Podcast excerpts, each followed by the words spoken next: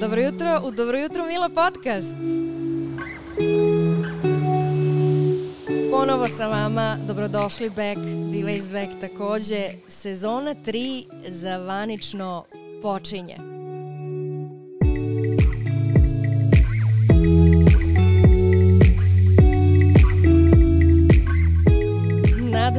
da ste imali koliko toliko dobar ulazak u 2024. godinu. Sve što je prošlo, ostavimo u prošle godini. Desilo se, prošlo je, ostaje u prošlosti. Sve što imamo je sada i ono što ćemo sa ovim sada učiniti za ono sutra. Jel važi? E, za Welcome Back u moj podcast željela sam da nam ostavim epizodu o nekoliko, tačnije pet stvari koje ću pustiti da me vode kroz 2024. godinu, pa da krenemo.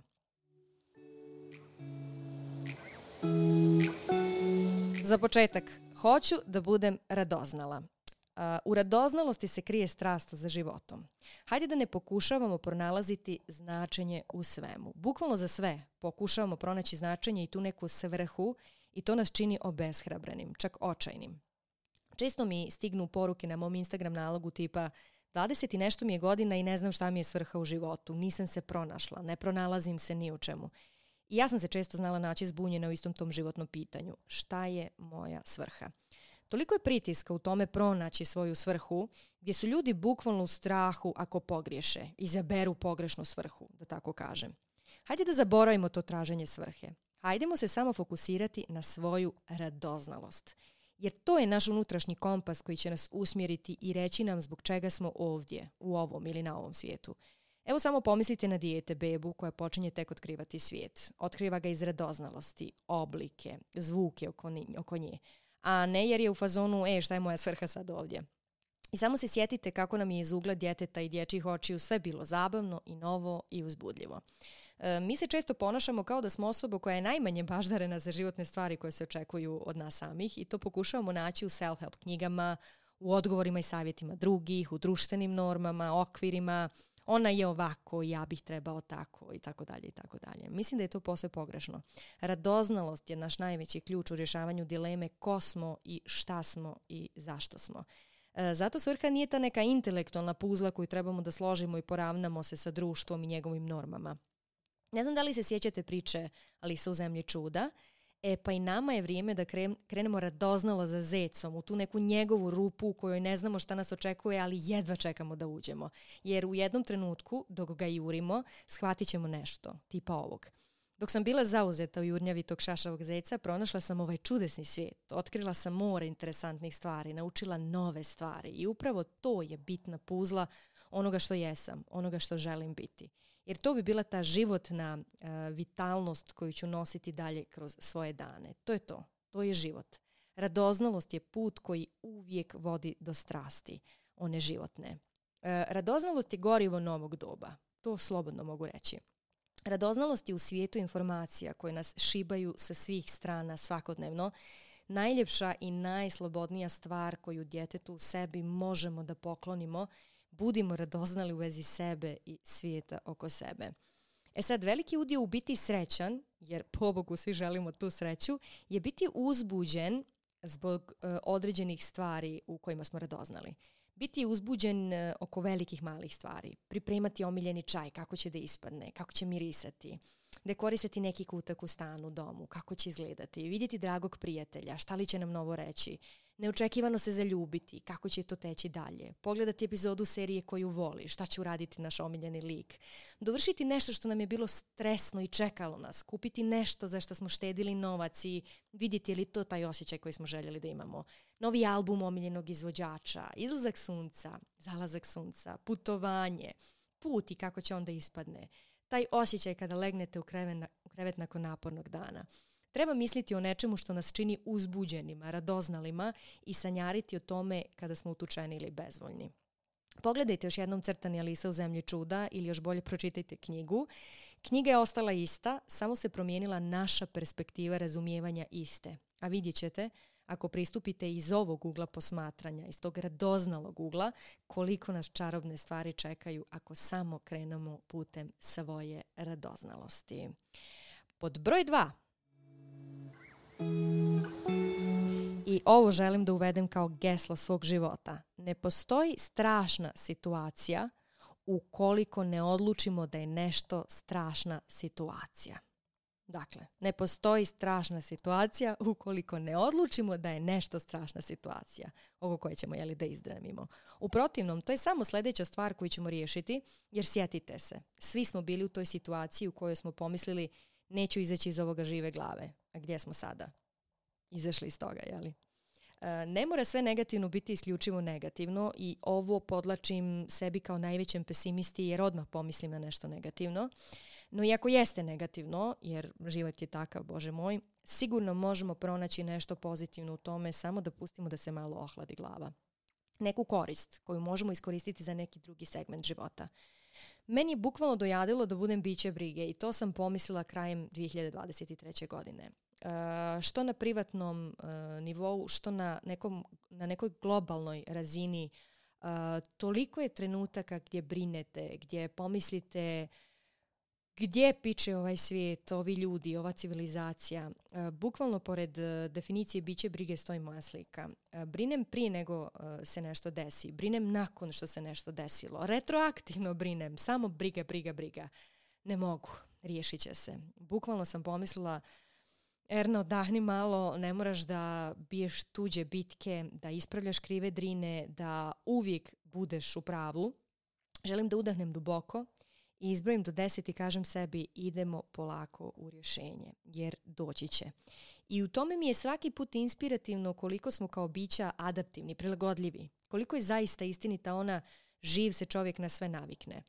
E, želim da zadržim empatičnost, da me ne shvatite pogrešno, da kako, ali ne mogu više da brinem preko. Želim da mi ovo bude godina racionalnijeg razmišljanja i pristupanja bilo kakvom izazovu. Polako, smireno, riješit će se. Hajdemo da nam to bude geslo života. Jel može? Pod broj 3. Iskoristit ću stres da me motiviše, a ne o beshrabri. Kada čujemo riječ stres, svi se zgrozimo. Ja prva ne znam koliko puta na dan e, čujem sve ti je to od stresa. Kada odem kod sjaset ljekara odmah čujem to vam je od stresnog života. Slažem se.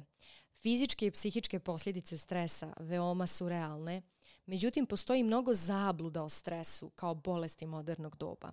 I voljela bih da svi o tome više govorimo, ali najprije naučimo. Stres nije uvijek loš po nas. E, ono što nije dobro po nas je neadekvatan način nošenja sa stresom. Stres je sasvim normalna stvar, neizbježan je dio života. E, obično se javlja u nekim neočekivanim i neizvjesnim situacijama i zato ga često vežemo logično uz neugodne emocije. Međutim, kao i mnoge stvari u životu, tako i stres ima svoje negativne i pozitivne strane, vjerovali ili ne. Stres se obično javlja kada nam nešto ne ide po planu, drugim riječima kada nam se čini da gubimo kontrolu i da je jaz između onoga što želimo i mogućnosti da se to ispuni nekako jednostavno prevelik. Stoga se uz stres javljaju mnoge neugodne emocije, a svi smo ih iskusili, poput tuge, ljutnje, frustracije, bespomoćnosti, pa čak i bijesa. Eh, imati osjećaj kontrole nad situacijom pruža nam osjećaj mira. I stvarno jeste lijepo kada je sve pod kontrolom, ali avaj, toga nema ni u bajci. Prije nego krenemo u objašnjavanje pozitivnih strana stresa, o kojem mnogo čitam u posljednjih sedmica, važno je napomenuti kako i sami stručnjaci razlikuju dvije vrste stresa, dakle pozitivni i negativni. Eh, na primjer, i to je plastični primjer koji najčešće eh, eh, naglašavaju, negativni stres javlja se u situaciji kada recimo da dobijemo otkaz. Ako to niste iskusili na svojoj koži, jako je ružno. Ja sam jednom dobila da otkaz kada, se desila korona, jeli avaj, kada smo svi mislili da je to kraj svijeta. I on je pomišan s drugim neugodnim emocijama poput tuge i bijesa koje jeli, uh, spomenuli smo na početku. To je jedna situacija u kojoj potpuno kupiš kontrolu i primoran si da se suočiš sa posljedicama. E sad, pozitivni stres može se javiti u slučaju recimo dobijanje novog posla. ja sam u tom trenutku pomislila, ok, već sam jednom nogom u svom privatnom biznisu i tu mi je krenuo taj stres da li da krenem u to, šta da radim, ali sam bila uzbuđena jer to je bila ta nova prilika, novo uzbuđenje. I u ovom slučaju također nemamo kontrolu nad time što nas čeka prvi ratni dan, ali je stres tada pomješan sa tim uzbuđenjem, a uzbuđenje je sve. Dakle, pozitivan stres javlja se u neočekivanim ili novim situacijama u kojima također nemamo potpunu ili nikakvu kontrolu, ali shvatamo kako je ishod nešto pozitivno za nas. E sad, u malim količinama stres, stres može djelovati upravo kao ključni pokretač. Stres koji se javi u nekoj situaciji može biti taj koji će nas motivisati na rad i pokrenuti cijeli proces djelovanja – taj stres pokretač najčešće se veže uz vremenske rokove recimo. Što se više bliži rok obavljanja nekog zadatka, vjerovatno ćemo osjećati više stresa, jer smo napeti. I u tom trenutku ćemo se pokrenuti i odraditi taj zadatak kako bismo umanjili stres, kako bismo riješili. On će nas motivisati da ga uklonimo, odnosno budemo produktivni. I garantujem, nema ljepšeg osjećaja od onog nakon odrađenog zadatka, posebno onog koji smo odugovlačili. Dakle, stresne situacije zahtijevaju korištenje više naših vještina i sposobnosti nego ostale svakodnevne situacije gdje je sve po PS-u. E, osim toga, borba sa rješavanjem stresnih situacija često zahtjeva i učenje novih vještina. Tako da mi, e, htjeli ili ne, e, željeli ili ne, priznali ili ne, imamo taj stres koji u stvari nas tjera da rastemo. Eh, stres se najčešće veže uz javljanje nekih problema ili pa generalno nove situacije i naš je zadatak posvetiti se sebi, prilagoditi se zahtjevima situacije i riješiti taj problem. Dakle, da naučimo nove i zdrave načine rješavanja problema, nove načine promišljanja i zaključivanja kako bismo došli do jeli, optimalnog rješenja. Upravljanje stresom upravo to zahtjeva od nas, konstantno učenje, konstantan rast – ako tako posmatramo stresne situacije, koje su svuda oko nas, ne postaje li odmah inspirativnije? E, eto, sve je uglu posmatranja kao i uvijek i sa svim, jeli? Dakle, razvoj novih veština koje izaziva uspješno nošenje sa stresnim situacijama djeluje na razvoj naše otpornosti i čak samopouzdanja, jer upravo ta nužnost rješavanja stresne situacije, odnosno izvršavanja zadataka i istovremeno nošenje sa stresom, tjeraju nas da gradimo otpornost na negativne emocije. Dakle, gradimo otpornost na neugodne emocije, neugodne iskustva i vježbamo kako ostati što hladnije glave u stresnim situacijama. Dakle, ako tako posmatramo, samo treba da iskoristimo svaki stres koji nam se dešava na dnevnom nivou da postajemo bolja i otpornija osoba. I onda ćemo se tako u svakoj novoj stresnoj situaciji osjećati spremnije za djelovanje. Isto tako počet ćemo razvijati veći osjećaj kontrole čak i kada ga baš i nema, što će djelovati na automatsko smanjenje stresa. Osim toga i sam stres ćemo povezivati s uzbuđenjem koje dolazi s rješavanjem izazova i potencijalnog uspjeha. Tako da svakodnevne životne situacije nas tjeraju da nekako sve prilagodimo sebi i tom nekom boljem i kvalitetnijem e, životu. E, I nadalje, stresne situacije zahtijevaju korištenje mnogih naših ličnih resursa, poput strpljenja, onoga jeli, što ja i nemam puno, ali evo vježbam autoriteta, kreativnosti, komunikacijskih vještina i profesionalnih kompetencija. Tako da ako smo ikada pomislili ono želim da se promijenim, evo prilike. Prva stresna situacija. Nikad ne znate što može koristiti iz takve jedne situacije. Osim toga, ne zaboravite da sve novo što naučimo možemo prenijeti na buduće situacije, čak i ako nam ne pomaže e, za rješavanje one u kojoj se u tom trenutku nađemo. Tako da život u potpunosti bez stresa možda jeste mirniji, ali nije nužno bolji, jer da nema problema i izazova nikad ne bismo znali zašto smo sve sposobni. Možda bismo bili zadovoljni sami sa sobom, ali nikad ne bismo došli do istinski pozitivnih osjećaja i našeg punog potencijala. Kroz probleme, osim bola i tuge, dolazi i mnogo ljubavi, zahvalnosti i sreće. Nakon svih neizvjesnosti i negativnih emocija, javlja se onaj osjećaj zbog kojeg sve ima smisla. I onda osjetite taj beskreni spokoj, makar na tren, do sljedećeg stresa. E pod četiri. Hajde da radimo sa onim što imamo. Od toga kakva smo osoba do toga koliko čega imamo. E, bili smo u Parizu jedne prilike, naš četvora u jednom kombiju kada smo u nekom smijehu i priči o životu izvalili to kao jedno od onih smiješnih krilatica koje budu highlight nekog putovanja. Radimo sa onim što imamo. Ili bolje ranjen nego mrtav, ili kako god poželiš, suština je ista. Radimo sa onim što imamo.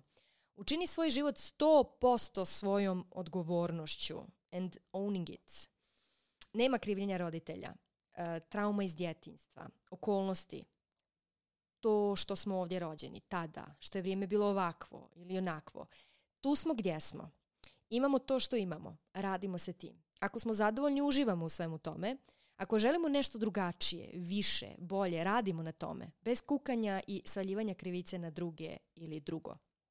Caka u dobijanju onoga što želiš je da budeš zahvalan na onome što imaš. Koliko god to zvučalo kao floskula, koliko god to zvučalo kao lako je to reći, nije lako to uraditi, mnogo je bitno da u ovom trenutku posebice sa ovako ludačkom situacijom u svijetu koja ma i kada se vratimo decenijama unazad nije bila ništa drugačije jer dok je ljudi i, i toliko različitih čudi biće, biće mnogo teško mnogima od nas na ovom svijetu ali mnogo je bitno da u ovom trenutku budemo zahvalni na onome što imamo i krenemo da radimo se tim. Um, bukvalno da, da popravljamo ono što smo svijestili da nije dobro, ono što imamo i što nam je ok da sebi kažemo to je super, imamo to, zadovoljni smo, idemo dalje. Molitva zvuči drugačije kada krenemo sa zahvalna na ovome što imam, umjesto molim te daj mi ovo vrlo jednostavno, ali vrlo. Pod broj pet. E, a ovo je stvarno banalno. Ovo možemo svi. Prestanimo spavati sa telefonima kraj glave. nabavimo pravi alarm, budilnik. Telefone u 2024. godini hajde da ostavimo u susjednoj sobi. Naspavajmo se kao ljudi. Ne počinjimo jutro gledanjem u ekran tačka. Ajde stvarno da ono, krenemo sa jutrom tako što pogledamo kroz prozor, vidimo kakvo nam je vrijeme, ustanemo na obavezno desnu nogu, ne lijevu i krenemo sa tim što ćemo udahnuti život punim plućima, a ne odmah pogledati u telefon, porediti se sa drugima, vidjeti što drugi imaju, mi nemamo ili slično. Eto ga ekipice, to bi bilo pet stvari koje ću pokušati imati na umu tokom ove godine mislim da su vrijedne makar razmišljanja, ako ne kretanja odmah u tom pravcu. Nego, hvala vam što me gurate. Hvala vam na svakoj poruci Divo vrati podcast. Ovaj format i jeste moja radoznalost preko koje sam došla do strasti i uzbuđenja koje osjećam svaki put kada krenem snimati epizodu. Ali stvarno. Uh, u jednom trenutku prošle godine moj podcast Dobro jutro Mila je bio najslušaniji podcast u našoj kompletnoj Adria regiji u ovoj niši i to kao prvi ženski podcast. E, I to ne samo u Adria regiji, već i u, na svjetskoj sa, našog, e, sa našeg govornog područja ekipa koja je skidala i downloadovala ovaj podcast. Mnogo sam na to bila ponosna i tu ne bi bila da nije bilo vas koji ste bukvalno u desetinama hiljada puta skidali i slušali dok ste prali veš, suđe, uspavljivali bebu, spremali ispite, šetali, trčali, trenirali, razmišljali o životu, željeli nešto da uredite za sebe. Milion puta vam hvala na tome. U ovoj godini idemo ponovo po tu titulu e, zajedno i radoznalo. Nego, izazovi će da nam dođu, ali ćemo i da ih prebrodimo. Skupa. Samo ljubav, poštovanje i lijepo vaspitanje. Slušamo se u sljedećoj epizodi. Nedjelja je dan za nas. Voli vas i ljubi Diva izbek.